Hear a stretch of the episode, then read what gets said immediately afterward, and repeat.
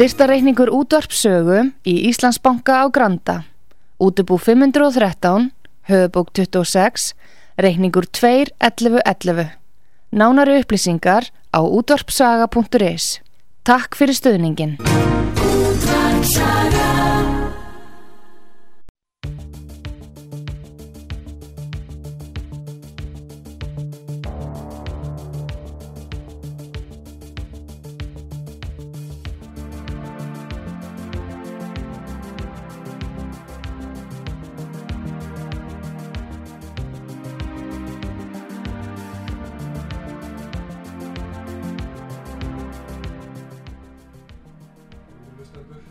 Sæl, ég heiti Arnar Þór og er Jónsson og ég hérna að sitja með ykkur hérna næsta já, hálftíman, klukkutíman, sjáum til hérna í síðasta þætti vísaði ég til uh, fræra ræðu sem að John F. Kennedy þáverandi bandarækjafasti flutti 27. april 1961 og í lokræðunar þá uh, sagði Kennedy að hann hefði trú á því að maðurinn gæti orðið það sem honum var ætlað að vera það er að segja frjáls og sjálfstæður. Og eftir að þessari útsendingu laug þá fór ég að hugsa með sjálfur mér á leiðinni heim uh, er þetta ekki kjarnin í sjálfstæði stefnunni?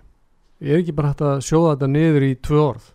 Að maðurinn fá að vera það sem hún er ætlað að vera það er að segja frjáls og sjálfstæður. Og kannski var John F. Kennedy bara svona gamaldags sjálfstæðismadur en demokrataflokkurinn sem að hann tilherið þá 1961 er komin út í einhverja einhverja, einhverja skóaferð í núna árinu 2022 og og sumi vilja meina að að menn í demokrataflokknum séu og fórustu með þessi bara hreinlega gengnir að göblunum á sama tíma þá er má líka kannski segja að republikanaflokkurinn sæki alveg í hináttina og eins langt frá svona þeirri stefnu sem að demokrataflokkurinn hefur markað sem hugsast getur. Þannig að bandar í stjórnmál eins og mögulega Íslands stjórnmál á síðustu árum hafa þá verið að polariserast á vondri íslensku, það er að skaut eða síðan stað skautun. Þannig að uh, menn uppnefna hvort annan og gera þá anstæðingunum upp íllar hérna, uh, íllan ásetning og svo framvegis og til dæmis sjáum við þetta í umræðu hér á landi um útlendingamála þegar að menn fara að ræða það þá þurfum við kannski að taka betri og ná betri stjórn á innflutningi uh, fólk sem hér vil búa. Að þá eru þeir sakaður um það meðal annars í leiðara fréttablasins að þeir aðlega á hatri gegn uh, útlendingum. Þannig að það er, það er ekki reynd að feta mikinn hérna, meðalveg í umræðum og kannski ekki reynd að vera með málefnalegur og uh, reyndar höfundur þessa sama hérna, reyndstjórnapistils uh, Sigmundur Ernir Rúnarsson sem að tala þarna um að Alice á Hatri er sennilega einu maður sem mann eftir að hafi beinlínis alið á óvild og Hatri í reyndstjórnapistli en það gerði hann í fyrra 2021 þegar hann kallaði eftir því að þeir sem ekki hefur verið bólusettir ætti að svifta á réttindum, borgarlegum réttindum. Og hérna þetta var sannlega ljótast í pistil sem ég séð á, á prenti í Íslensku dagblæði en uh, nú neykslast hann á því að það sé alið á hatri í garð í garð fólks bara fyrir það að vilja opna einhverju umræðu. En uh, það sem að mér langaði svona að segja í framhalda þessu er að sko á tímum svona skautunar sem að, eða polariseringar þá, þá get ég alveg viðkjönd það að þegar að uh, þessi núverandi ríkistjórn var, var sagt, mynduð upp fyrst að þá var ég einn af þeim sem að var frekar jákvæður gagvarti og ég sá fyrir mér að, að þarna í svona samsteipustjórn mundi mönnum takast að, að svona færa fókusin yfir á stórumálinn og bera klæð á vopnin og, og það er því svona málefnalegri umræða í íslenskri, íslenskri pólitík. Og kannski hefur það tekist. Uh, og ég vil ekki gera lítið úr því að vafalist hefur margt gott komið út úr þessu stjórnarsamstarfi. Uh, þó svo en ég held að fórnarkostnaður sé fólkin í hann sé orðin bísna augljós og kannski alvarlegur. Uh, ég var stattur út á ég var síðast íslendingunum sem hafði aldrei færið til Tene fór til Tene Rífe núna í, í uh, september. Og þar á einhverju einhver tíma er ég út að skokka og, og kom ég að stittu sem að var af Mahatma Gandhi og stendur þarna með einhvert grunnskóla á Tene. Og þar stóð, það voru svona tíu svona setningar sem voru hafðar eftir eftir Gandhi í tengslu við stjórnmálinn og eitt af því sem hann taldi að væri í rauninni einhvers konar glæpur bara gegn uh, uh, heilbriðum stjórnmálum og gegn þá kjósendum væri það að menn væri farin að yfka eins og hann þetta á þýtt á einsku politics without principles. Þar að segja að menn væri farin að sko yfka stjórnmál á þess að hafa og hyrða neitt um það sem mætti kalla uh, grundvalla stefnu mið og ég get tekið undir það. Þetta er bísna alvarlegt ef að, ef að svo er raunin. Við myndum ekki vilja vera leitt fyrir dóm, gerir ráð fyrir ágætu lustendur ef að uh, það væri ljóstað dómstólarnir og dómarinn fyldi engum svona föstum meireglum og hyrti ekki um uh, sko þann grundvöld sem hann væri, hún væri rauninni ætlað að starfa á og honum hefur verið falið að starfa á. Það væri með því vegið þetta mjög að öllu sem maður mætti kenna við réttaröryggi og fyrirsjáleika og spurningin er og það er orðin kannski áleitin spurning nú á tímum og hver einasti kjósandi lítur að spurja sig e, ef að við erum komin inn á svið og ef að vera praktísara stjórnmálun á Íslandi án svona nokkura prinsipa.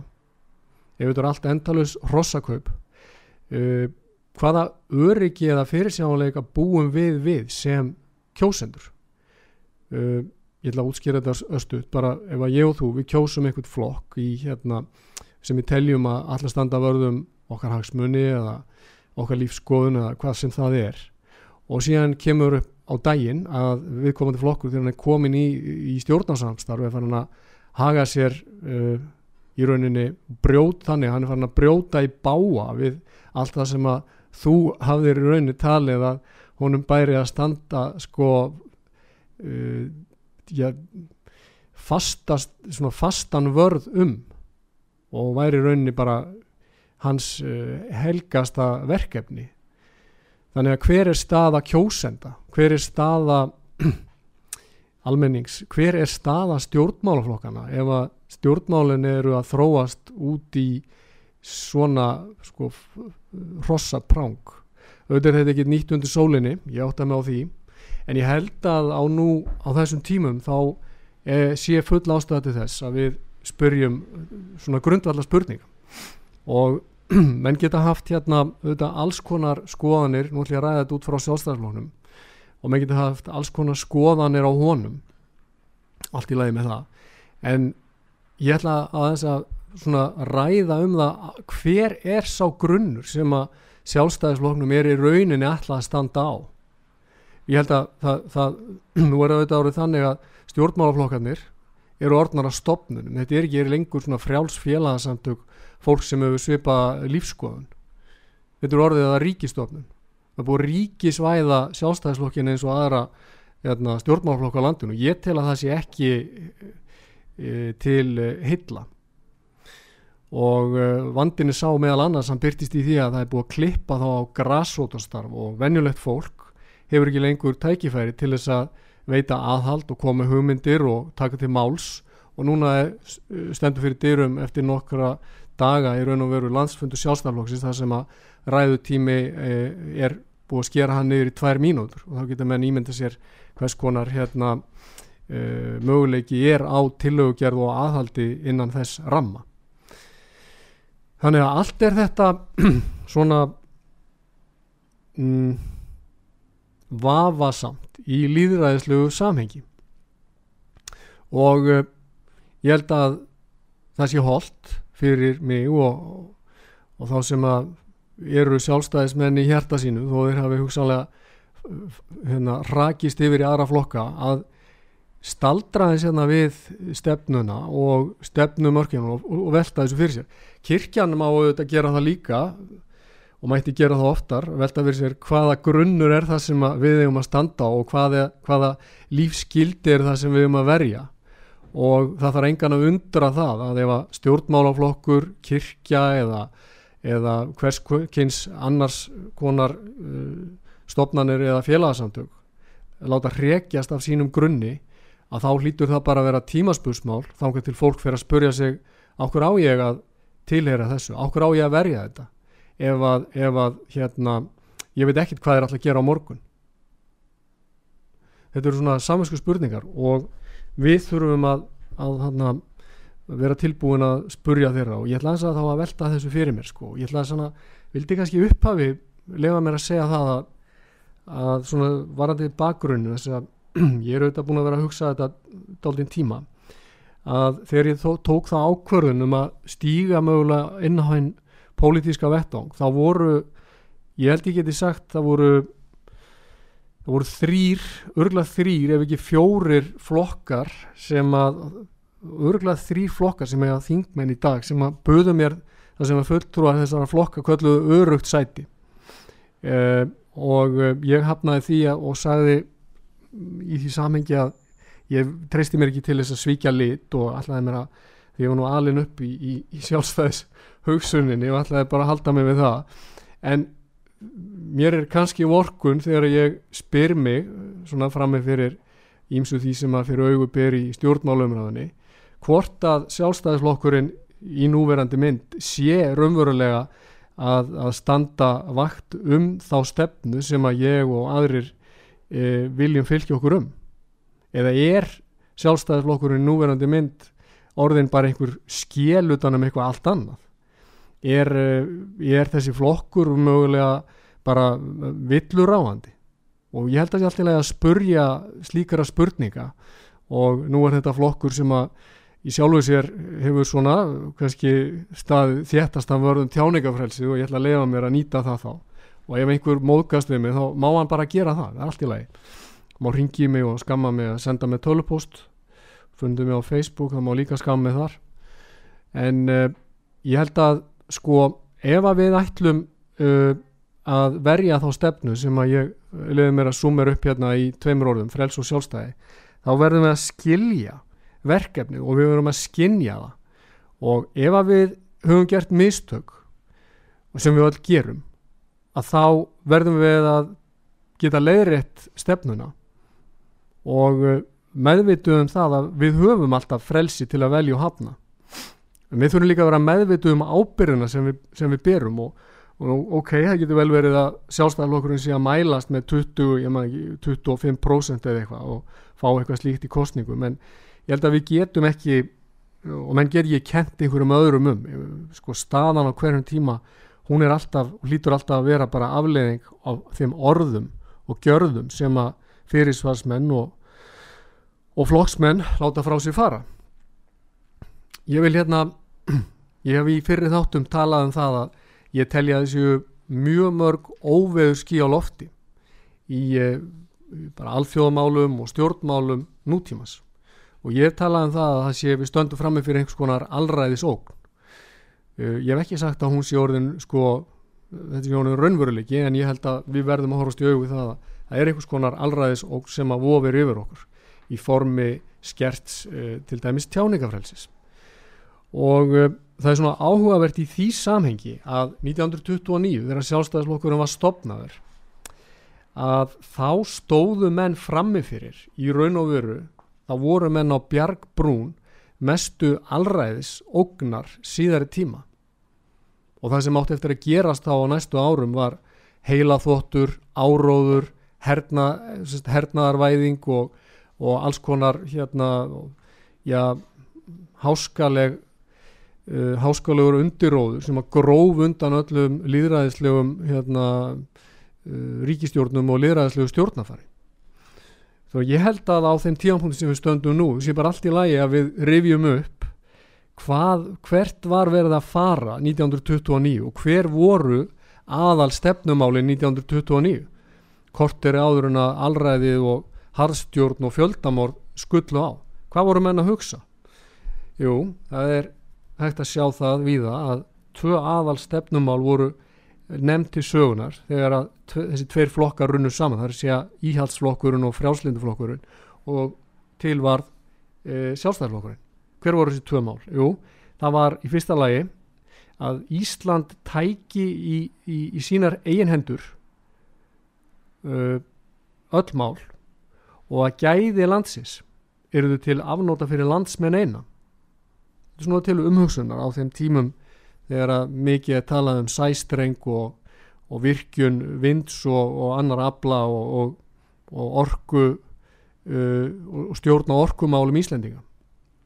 Þetta var aðalmálið sko, annað aðalmálið að við myndum taki okkar hendur uh, okkar eigin mál og að gæði landsins eru til afnóta fyrir landsmennina.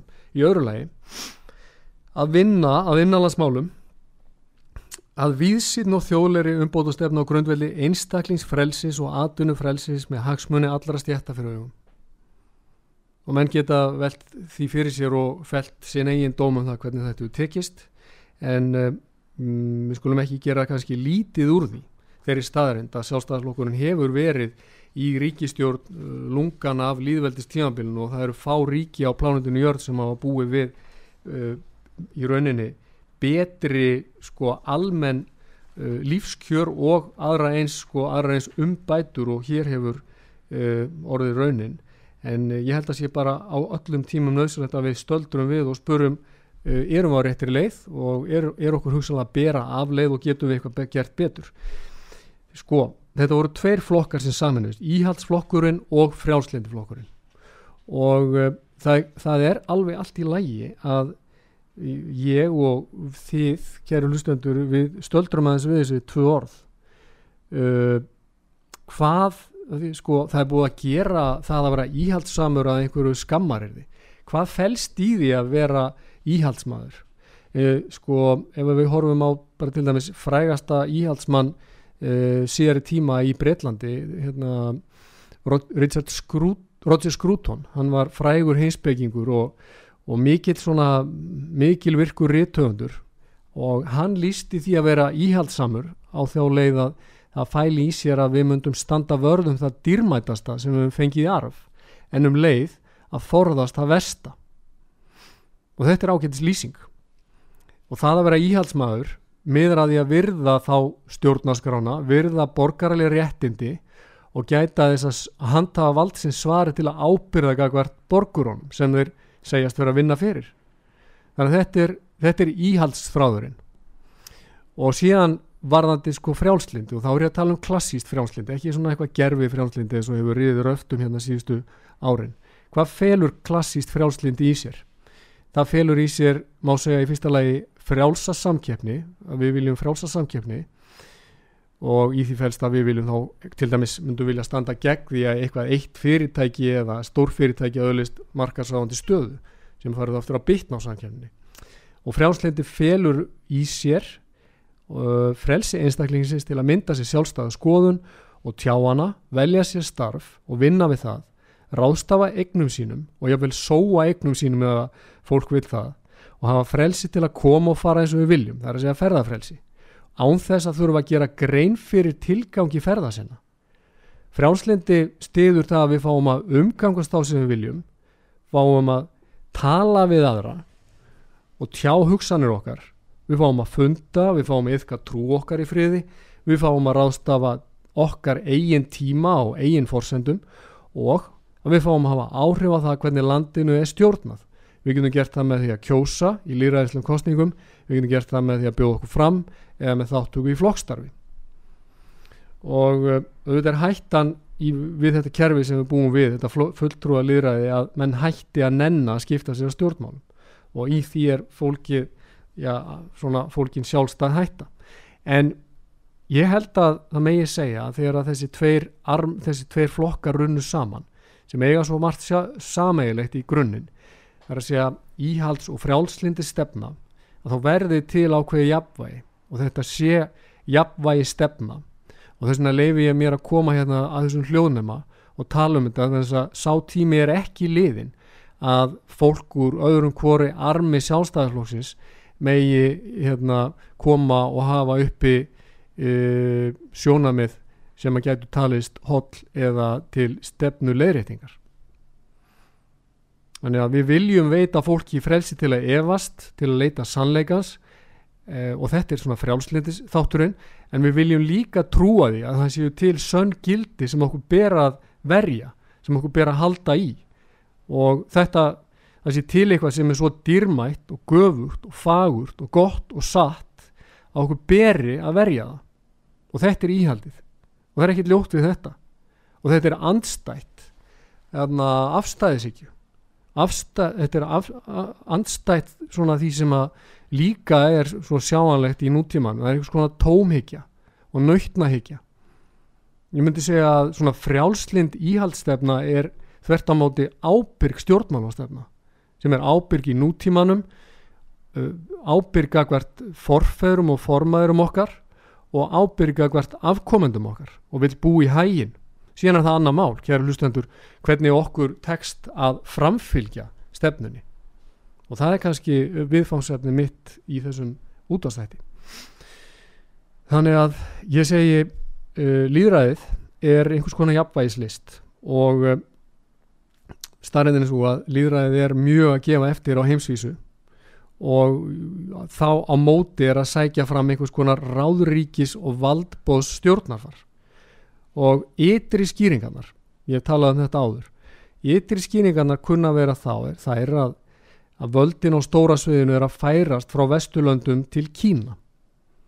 En innri skýringarnar kunna vera þær að almenningur er að heimta að stjórnvöld taki fastar í taumana síni meiri hörku uh, samræmi hegðun, tryggi, öryggi og svo framvegs og þegar ég segi að líraði sig á fallanda fæti þá er það ekki bara einhver heimatilbúningur hjá mér. Uh, hlustendur getur farið inn á vefin og leitað á Democracy Index og séð hvernig línan bara liggur niður og það er talað um að, að í rauninni þriðjungur mannkins búi við valdbóðstjórn og eitthvað í kringum 8% búi við full líðræði þetta getur þess að tölur getur verið orðið læri það voru síðast eh, tölur sem ég með frá 2020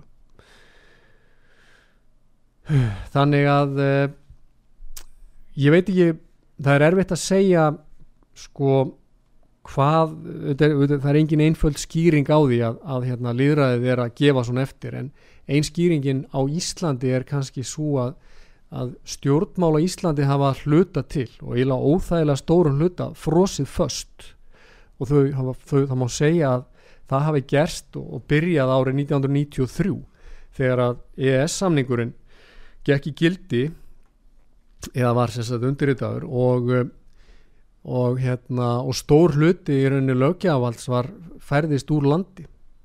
Og þá gáttu stjórnmálamenn haldi áfram að fá sín laun en ábyrðin var að miklu leiti sko komin annað. Og þetta var ekkit endilega jákvæð þróun. Uh, en ég vil auðvitað undirstryka það að 1993 sáu menn ekki til fyrir endan á þeirri þróun og gátt ekki ímynda sér kannski þá þróun sem eru orðið á grundvelli EES samstarfsins þar sem að Európa-sambandi hefur seilst til sífælt meiri áhrifa gagvart aðaldalöndum og meðal annars á Íslandi. Nú, ég veit ekki, hver, hvert er svarið? Hvernig bregðast menn við svona óheila þróun? Gera menn það með aukinni miðstýringu og með því að, með því að taka meiri peningaláni frá síðara kynnslóðum uh, ég held ekki. Uh, ég held að við þurfum að leita að skýringum og, og síðan að reyna að finna einhverjar, einhverjar lausnir sem væri aðrar en töfralausnir. Eins og til dæmis Gunnar Smári hefur verið að bjóða þar að segja að, að þetta bara verið bara leist með pennastrygum og það er bara að fleti allt út og koma á sagt, jöfnuði í enda, endala þá Stalins og félaga. Það er ekki lausnin. uh, hvert er vandamálið og hverjar eru lausnirnar? Ég ætla ekki að bjóða fram töfralausnir ég er hérna bara til að hugsa með ykkur uppátt uh, ég held að eitt af því sem við hljótum að geta verið sammálum og sjálfstæðis menn ekki síst er að fyrirtæki í landinu mega, það má ekkert fyrirtæki verða of stort og ekkert fyrirtæki má verða ríki í ríkinu. Og ég held að eitt af því sem að, sko, grefur undan líðræðin í dag er að til og með samfélagsmiðlar og sko fjölmiðlar meðal annars eru orðin ríki í ríkinu og eru farin að vilja stjórna því hvað fólk segir og gerir. Og það er óheila þróun ég held að þetta miðstýrða velferðarkerfi sem hefur verið komið á hérna og er arfið frá fyrir tíð hafi í rauninni gengið ofulangt og sé í raun og veru gengið sér til húðar að stóru leiti þetta er óskilvert og þetta er dýrt og það þólir ekki í núverandi mynd það álag sem það er undir og mun fyrirsjálega vera undir á næstu árum. Ég menna það, það er viðkjent til dæmis að, að sagt, uh, hilbriðiskerfi Vesturlanda munu kikna undan álægi að völdum offitu, sikursíki og annara lífstilsjúkdóma á næstu árum og áratugum. Og það verður að finna einhverja lausnir sem eru aðrar heldur en miðstýrða lausnir. Og uh, Ég held að við verðum líka að viðkjanna það að þessi svona einstaklingshyggja eins og jákvæð og hún getur nú verið, hún má ekki ganga á langt, má ekki, hún má ekki leiða til þess að fólk verði bara einmanna afskipt og, og, hérna, finni engan tilgang og tilheyri engu, þannig að það er líka sjálfstæð hægt að fólkin í því ekki satt, að fólk leiti þá í einhvers konar vímuefni eða öfgasamtöku eða annað slíkt. Og þannig að ég held líka að eitt af því sem við þurfum að gefa meiri gaum er að við hjálpum börnunum okkar og okkur sjálfum til þess að vinna með styrkleika okkar í meira mæli. Og, hérna, og við saminumst í, í því að stegja hvert annað í, í, í því skinni þannig að fjölskyldur komi í meira mæli að uppeldi batna en felið ekki bara ofnböru stofnunum. Og hérna þetta er svona, svona, þetta svona ingangur sem ég kannski vildi hafa. En ég vildi kannski núna á að gera örstuðlið en ég ætla síðan að í framhaldinu að tala um uh, svona kjarnan í, í þeirri stefnu sem er nú þemað hérna, það er að segja um frelsið og sjálfstæðið og, og veg, leita skýring á því hvers vegna þetta hefur verið jaðarsett í pólitískri umræðu og hverjar afleðingarnir eru þá á því.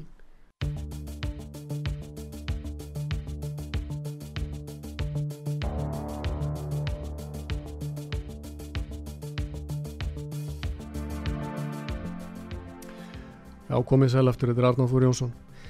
Ég var fyrir hlið að tala um það að uh, umræða um sjálfstæði og frelsi og fullveldismál hefur verið jaðarsett í pólitískri og lagalegri umræði hér á landi.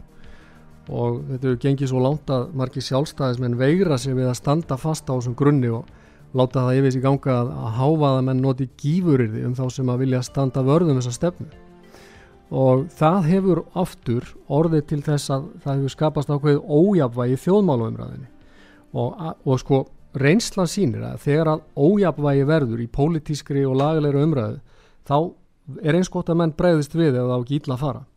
Því að málefnarleg og yfirveguð umræða er forsenda góðra lagasetningar. Það sem að við erum að horfa á er að sko það er búið að þennja út þetta miðstýrða kerfi borgararnir er að mörguleiti einangraðri heldur en þau voru áður. Félagsstarf er búið að vera lamað hér á landi í tvö ár.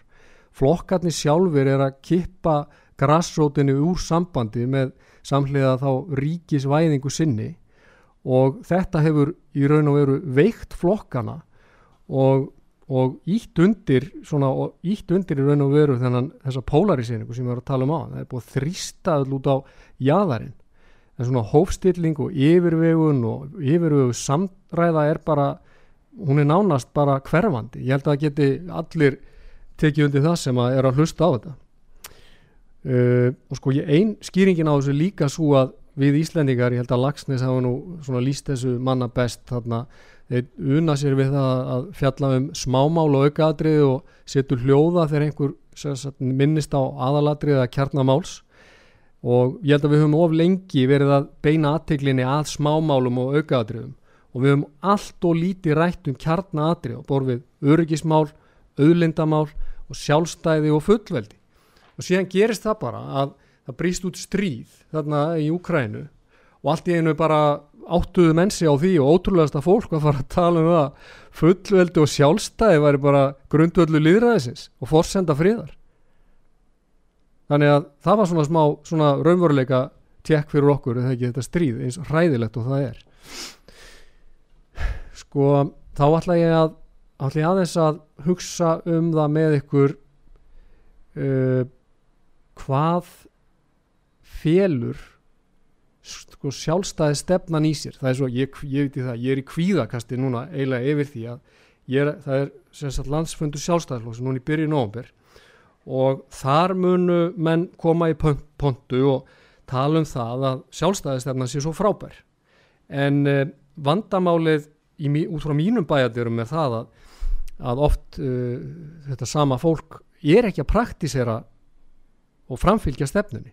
Þannig að það talaði um það að já við erum hérna gæslumenn sjálfstæðistefnunar og við fylgjum henni en á sama tíma er flokkurinn að þenni út ríkið auka eftirlit auka skattpíningu sem er orðin alveg sko yfirgengileg á Íslandi og kannski óvíða meiri.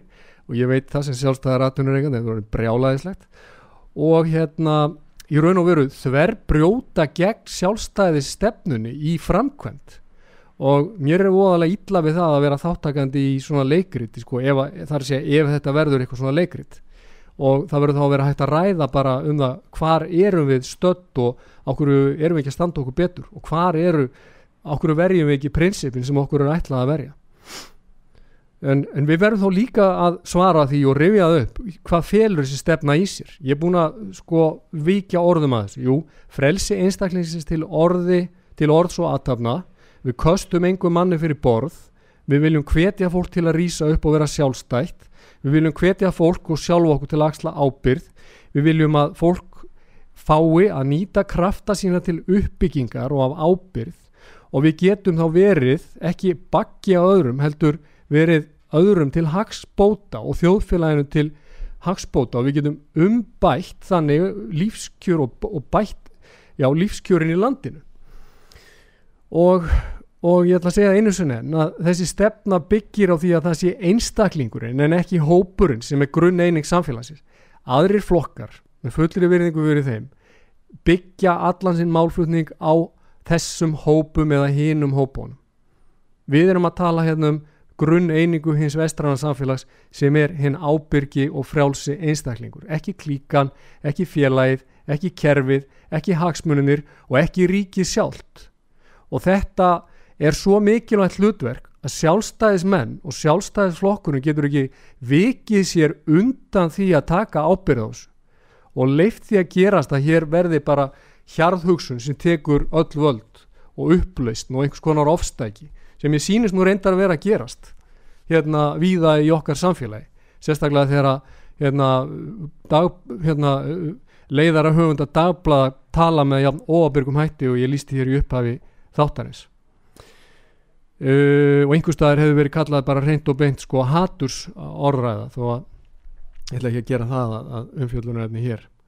Uh, sko ég veit það ekki. Ég held að ef maður ætti að sjóða þetta niður í einhverja, einhverja kannski eina setningu þá væri hægt að horfa til þess sem að Jóhann Hafstein fyrir til formaður sjálfstaflokksins sagði að að uh, þjóðfélagið á að lifta hverjum og einum en það má ekki verða til þess að kæfa einstaklingana. Og við lifum dáltið á svona þeim tímum og í þeirri menningu að það er verið að kæfa einstaklingana. Það er verið að segja gaktu í takt við aðra hlýttu, ekki spurja, ekki evast vertu góður vertu eins og við. Eh, þetta er ekki í anda svona þessara heilbriðu einstaklingshyggju og málfrelsi sem að ég hef verið að tala um. Og ok, núlstillum okkur þá bara. Við, við hljótum að okkur, okkur hlýtur að bera bara gáðast sjálfum okkur og, og, og síðar í kynslu um að lámarka út þenslu ríkisins. Lámarka afskipti ríkisins af einstaklingunum. Okkur ber að verja sjálfsákurunréttin verja málfrelsið verja eignaréttin og verja þessi gildi um líðuræði og klassíst frjálslindi sem ég er búin að tala um núna hérna í 20 þætti. Og ég fer nú bráðum að hætta. Þetta er svona, getur verið næst síðasti þátturum minn. En sko þórum við ef að það er þetta sem við stöndum fyrir þá verðum við að spurja þessara spurninga. Þórum við að verja þetta? Þórum við að vera við sjálf? Þórum við að standa með okkar gildismati eða ætlum við að lippast niður gagvart þessu ofstækis fólki sem að kemur hér með breyða stimpla og kallar það hérna, kallar allt bara hattur og, og, og hérna og hérna ofbeldi þegar að verið að reyna að opna á umræðu sko bara málefnalega umræðu. Það á ekki að, að leifa það. Og ég held að sko hlutverk þá bara okkar mitt og, og ykkar ekki síst er að minna þingminn og ríkistjórn á það við eigum ekki láta háfaðamenn stjórnaði landinu. Og við hefum ekki að hlýða þeim sem hafa hæst. Og mér er alveg samátt að einhver bara gerir það slagurðu sína þegar þau vilja hafa hátt. Þau eiga ekki að geta tekið völdin í landinu. Stjórnmálamenn eiga að vera sko trú sko stefnum stefnum miðum sínum. Og þetta ánáttúrulega ekki bara við um sjálfstæðarflokkin, ég meina við hljótum að vilja stjórnmál það sem að fólk vafki og, og hérna aðri flokkar bara við vitum hvaðan þau eru að koma og hvert þau eru að fara. Það lítur að lámast krafa til stjórnmálamanna. Og, og það lítur líka að vera að lámast krafa til stjórnmálamanna að, að við meðjum treysta því að þeir sko tali ekki og kjósi bara eftir því sem að hópurinn sem stendur þeim næst fyrirskipar þeim að gera. Er það? Og, og hérna það er hægt að hafa mörg orð um þetta en uh, kannski rétt að undistrykka það að að uh, hlutverð stjórnmálumanna er í rauninni að þjóna fólkin í landin er það ekki? Og ég hef oft sagt að hlutverð stjórnmálumanna er að verja frelsi fólks ekki að skerða það með fyrirskipunum og, og, og valdbóði og líðræði leið okkar til að segja þátt í ákvarðantökunni þannig að það er okkur það, er, það veitir okkur þessa vernd sem að við sjáum að stjórnarskráni er bókstala ætlað að veita okkur þessa vernd. Og uh, við getum hins vegar ekki og ég held að við hefum ekki að hérna, gera þá kröfu til ríkisins að það veit okkur fullkomna vernd og kæfa okkur í umhyggju. Það er auðvitað ein leiðin til þess að svifta fólk frelsi og sjálfstæði. Það er það sem er búið að vera að gerast í hérna vestrana heimi á síðustu missirum að undir yfirskinni öryggis er verið að ske, skera af frelsi einstaklingana og og hérna sjálfstæðið þeirra. Og það er vondur hérna, það eru vond bíti fyrir fólk. Benjamin Franklin lísti því vel að, hann, ég held að það er Benjamin Franklin hann sagði eitthvað á svona þá leiða fólk sem að afsalaði sér frelsi til þess að fá meira öryggi frá ríkinu verðskuldaði kvorki að vera frjálsni í örugt ok, ég er búin að tala um frjálslindi og íhjald og ég er búin að tala um frelsi og sjálfstæði. Og hvað þýðir þá fullveldi? Hvað felur fullveldið í sig sem að menn keppast nú við að eru kappsamir um að, að, hérna, að afsala sér? Hvað, í, í hverju felst fullveldis hugsunin felst hún ekki því að við sem þjóð höfum rétt til að setja okkar eigin lög? Er það ekki kjarnin í fullveldinu og kjarnin kannski í sjálfstæðistefninu að við höfum rétt til að setja okkar eigin lög. Ok, þetta er lögfræðilegt atrið en þetta er líka pólitíst og þetta er líka samfélagslegt. Og þetta er allir að geta skilið. Og lögin standa ekki undir nafni nema þau þjóni samfélagi okkar. Og það er reyndar ekki hægt að tala um samfélagi fyrir að við komum sér upp einhvers konar lögum. Og þetta er hinn líðræðislega grunduöllur lagana sem að allur vestrætt réttur byggir á. Það er að segja að valdi kemur frá þjóðinni og valdhafar svari til ábyrjar kakvart kjósendum. Þetta er ekkit flókið. Og allir er að geta skilið þetta. Og, og hérna til þess að við getum haft virt líðræði þá notum við tjáningafrelsi svo að veist, þessi mynd er ekkit opbáslega mark brotin þegar hún er skoðuð og hérna og uh, aftur ef ég ætti þá að reyna að sjóða þetta allt saman að þá myndi ég segja að það sem ég er að tala um og mætti kenna við alvöru sjálfstæðistefnu væri að við viljum skapa gott samfélag með því að veita frjálsum mönnum svigrum til að nýta hæfileika sína sjálfum sér og öðrum til framdráttar. Og þetta er ekki einhver skrautorð og henn er ekki ætlað að vera til skrauts og hún er ekki að, hún, hún var ekki samin til að vera bara sagt lofsömuð á landsfundi. Hún, er, hún var búin til frammi fyrir allraðis og ég minna á það 1929 ekki til að vera innan tóma orð á bladi heldur til þess að henni er þið framfyllt og ég held að partur af þeim vanda sem við erum í og þeim vanda sem er að hrannast upp er að menn hafi ekki í nægilegu mæli uh, varið þessi grunngildi þá bæði sjálfstæðistefnunar og bara stjórnskipunar á okkar og við höfum valið einhvers konar hugmyndafræðilega flattneskju farið út í einhverja hugmyndafræðilega eðimerkugöngu og við vitum ekki lengur fyrir hvað við stöndum. Og þannig að afleðingin er svo að bara klassíst frjálslindi er nánast að það er náttúrulega búið að útýsa því úr sjálfstæðisfloknum og engin nefnir hérna íhaldstefnuna á nafn.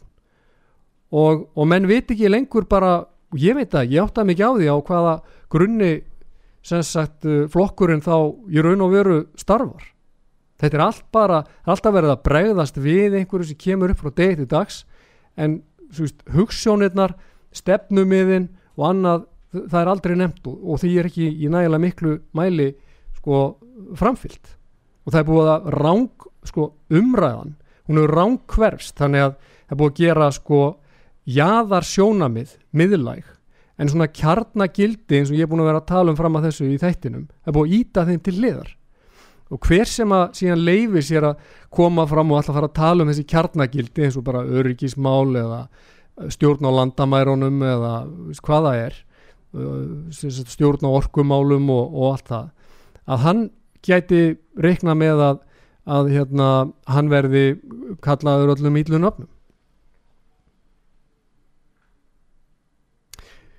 og ég líka vil bendi ykkur á eitt, þetta er bara svona til umhugsunar. Og það er kannski, þetta er ein leiðin kannski til þess að svona skoða það sem að sagt er og gert á vettvangi stjórnmáluna getur verið að einn lárétta skuldbinding milli embættismanna og stjórnmálamanna milli stjórnmálamanna og alþjóðastofnana uh, og milli sko íslenska ríkistofnana og erlendra stofnana sem farin að vega þingra í framkvæmt heldur en lóðrétta tengingin milli stjórnmálamannana og borgarana eða innlendra embætismanna og borgarana getur það verið? Ég bara hveti ykkur til þess að íhuga það. Getur verið að við séum það sem að það sem við séum búin að færast úr því að vera bara þjóðuríki sem setjum okkar eigin lögum sem ég sagði áður yfir í að vera fyrst og fremst aðeldaríki í samhengi EES Jú, við samþyktum vissulega að verða aðelara efnaðslegu samstarfi 1993 en við samþyktum aldrei að ganga inn í pólitíst samstarf sem myndi veikja líðræðislega stjórnarhætti hér. Og við, við, hvað þá að við höfum nokkuð tíman samþygt það að fara inn í hernaðarsamstarf við ESB eins og núna er verið að kalla eftir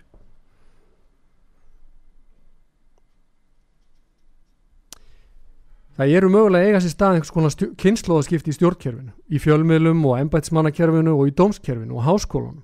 Fólk sem er í raun og veru stjórnlind er að taka við af þeim sem hafa varið frjálslind viðhorf og nýju valdhafarnir innan gæsalappa.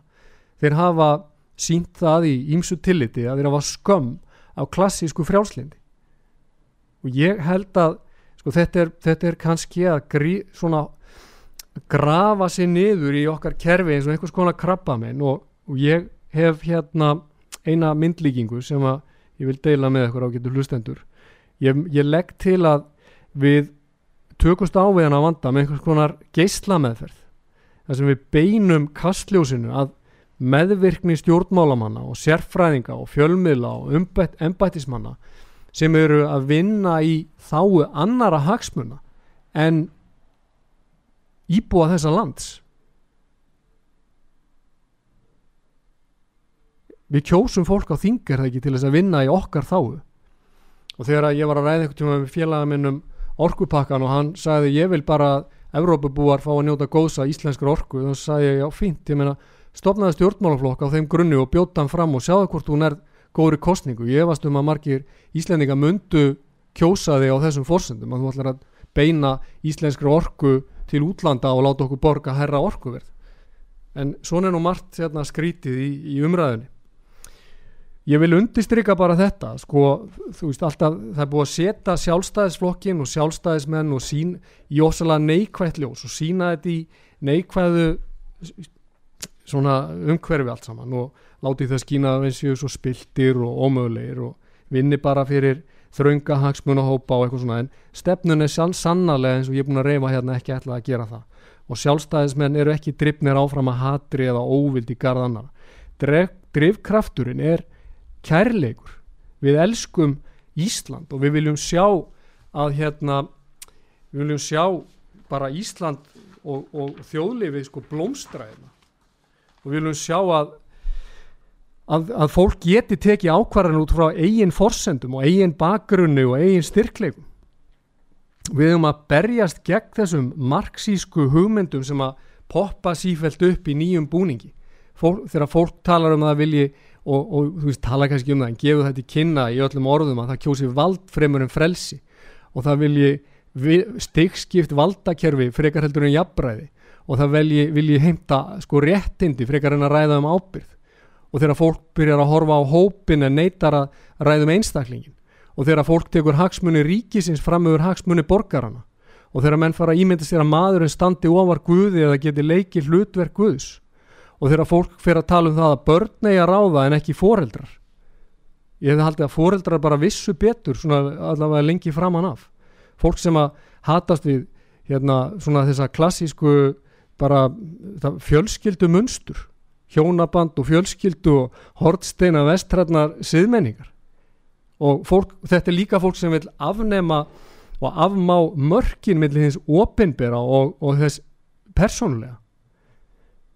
Þetta er bara, þetta sko marxismin, hann hérna, hann dónefl ekki með hruni uh, Berlínamúsis hann er bara þetta á móti við, við bara allt og góða hilsu og hérna anspænis öllum þessum hugmyndum um marxistarnir haldaði fram að laugin sé alltaf með þjótt markaðar nei, laugin eiga að vera þau að mótast á líðræðislegum grunni.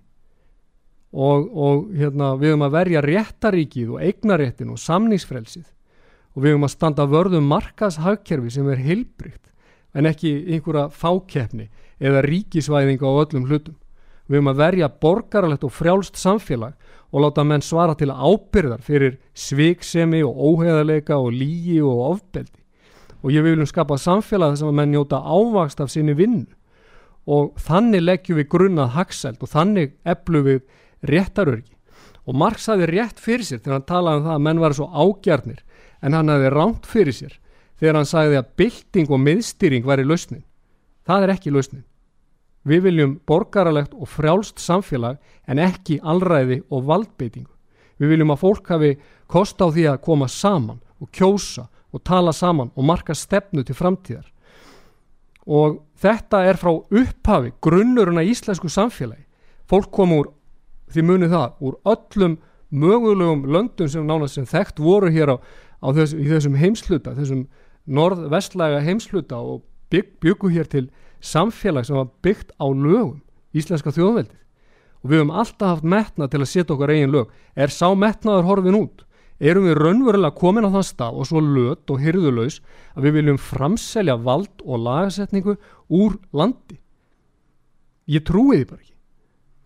Við hljótum að vilja verja sjálfræði okkar sjálfra og við hljótum að vilja slá hérna einhvers konar vendarhjúp um lögin okkar og vendarhjúp þá um hvern einasta mann í því skinni að hver einasti maður fá að taka bara njóta sjálfs ákvörðunar en þessi ekki píndur eins og Sigmundur Erni vildi gera eh, til þess að hérna láta spröyta sig með livjum sem að mögulega voru þá ekki nægilega hérna prófuð og hafa valdið margskona skada og eru sennilega vita gagslaus gagvart öllum hérna, yngri aldurshópum þetta er bara mjög alvarlegt mál og ég vona að hérna, eh, einhver þingflokkurinn hafi hugreiki til að fara í alvöru sko, uppskurð og greining og kalla eftir skýrslu á viðbröðum stjórnvalda hér á landi við því sem að, sem að hér gerðist í þessu koronaviru faraldri. Normenn eru búin að skrifa eina skýrslu og er að skrifa aðra núna. Breytar eru búin að gera þetta eða eru lagðar að staði þess að vegferð.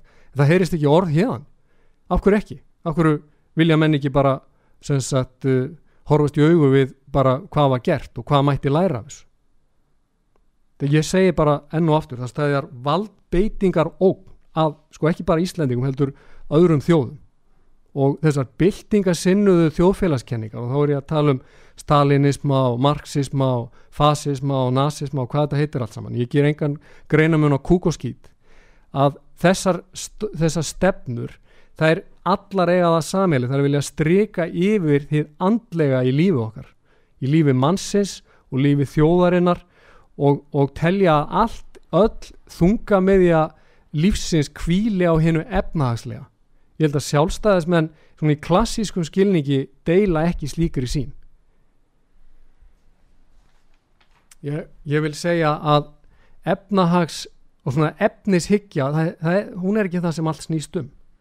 Sjálfstæðistefna byggir ekki síst á andlegu grunni og hún viðurkennir að líf mannsins snýst um efni og anda og hún viðurkennir mótandi áhrif trúarlegra, þjóðlegra, heimsbyggilegra og lagalegra afla á líf okkar. Við erum ekki bara hormón og skinn og bein og öðvar. Við erum andlegar, hugsandi verur, við erum sjálfstæðanvilja, vonir, óskýr, þrár og hugssjónir. Og efnisíkjan afneitar þessu öllu, hún leitar að læksta samlefnara og hún er kretta að verstu sort. Hún trúir ekki á því góða, henn er ekkit heilagt. Hún afneitar æðri sannleika, smættar allt niður í atóm og frumendir og afgreðir jáfnvel ástina og kærleikan sem hekoma tilfinningasemni og væmni. Og samkvæmt efnisíkinu þjónar lífa okkar engum tilgangi. Getur það verið, viljum við skrifa undir þetta? Ég segi nei, við getum ekki skrifa undir svona myrka lífsín við hljótum að vilja standa vörðum líf og trúa því að lífa okkar hafi tilgang. Og við erum handhafar einhvers konar kindils þá þið getið sé fyrir ykkur frelsistittuna eða hvað þið viljið bara við höfum þetta dýrmæti í höndunum og við verðum að halda þessum eldi lifandi og færa hann til komandi kynsluða við erum merkisbeinar vonar og það er okkar að minna það að það er andin sem að lifir og við höfum sál og við getum risið upp af efninu og við erum sjálfstæðar hugsandi verur sem erum færan um að trúa og vona og berjast fyrir því sem er fagurt og gott og satt. Og við höfum að leita skýringa og við höfum að fá að leita að svörum og við eigum að trúa því að, að við getum stjórnast að því sem er æðst í manninum en ekki út frá því lægsta, ekki út frá peningum eða græðki og við hljótum að geta stýrst af skinseminni og samveiskunni og við hljótum, ef við trúum þessu að geta líst upp þessa myrku sín efnisíkjuflokkana. Ég held að sjálfstæðiflokkurinn því miður á setni árum hefur ekki verið saklus að þessu og við hefum verið sko obsessed bara með einhverja þráhyggju hvert efnahagsmálum og allir sem hafa sagt við mig núna mörg ár talað um efnahagsmál, það er það sem fólk vil heyra. Nei, það er nóga fólki sem talar um efnahagsmál. Við þurfum, að, við þurfum líka að færa fólki einhvers konar von og merkingu og tilgang og við höfum að trúa því að hver einasti einstaklingus er dyrmætur og við getum hjálpað fólki á lappirnar en ekki gera þau að bóta þegum og auðmingjum. Við hljóttum að geta unni saman að því að búa til sko betra samfélag þar sem að ríkið er ekki miðlægt heldur einstaklingurinn. Og við hættum þessari dómhörku og þessu, þessu eineltis ógeði sem að svífur hér yfir öllum vötnum á Íslandi. Við hljótum að geta fundið það sem að saminar okkur og bindur okkur sama sem þjóð og sem fólk. Eða er það ekki? Getum við ekki gert aðeins betur í, í stjórnmálun núttímas? Ég ætla bara kannski skilja ykkur eftir með þessa spurningu. Ég er búin að sagt, leggja fram spurningar í, í þessu þætti og kannski færri svör en ég er ekki með töfra svörin og ég vonast til að þið geti hjálpa mér og, og hjálpa hvert öðru að finna þau. Takk fyrir í dag.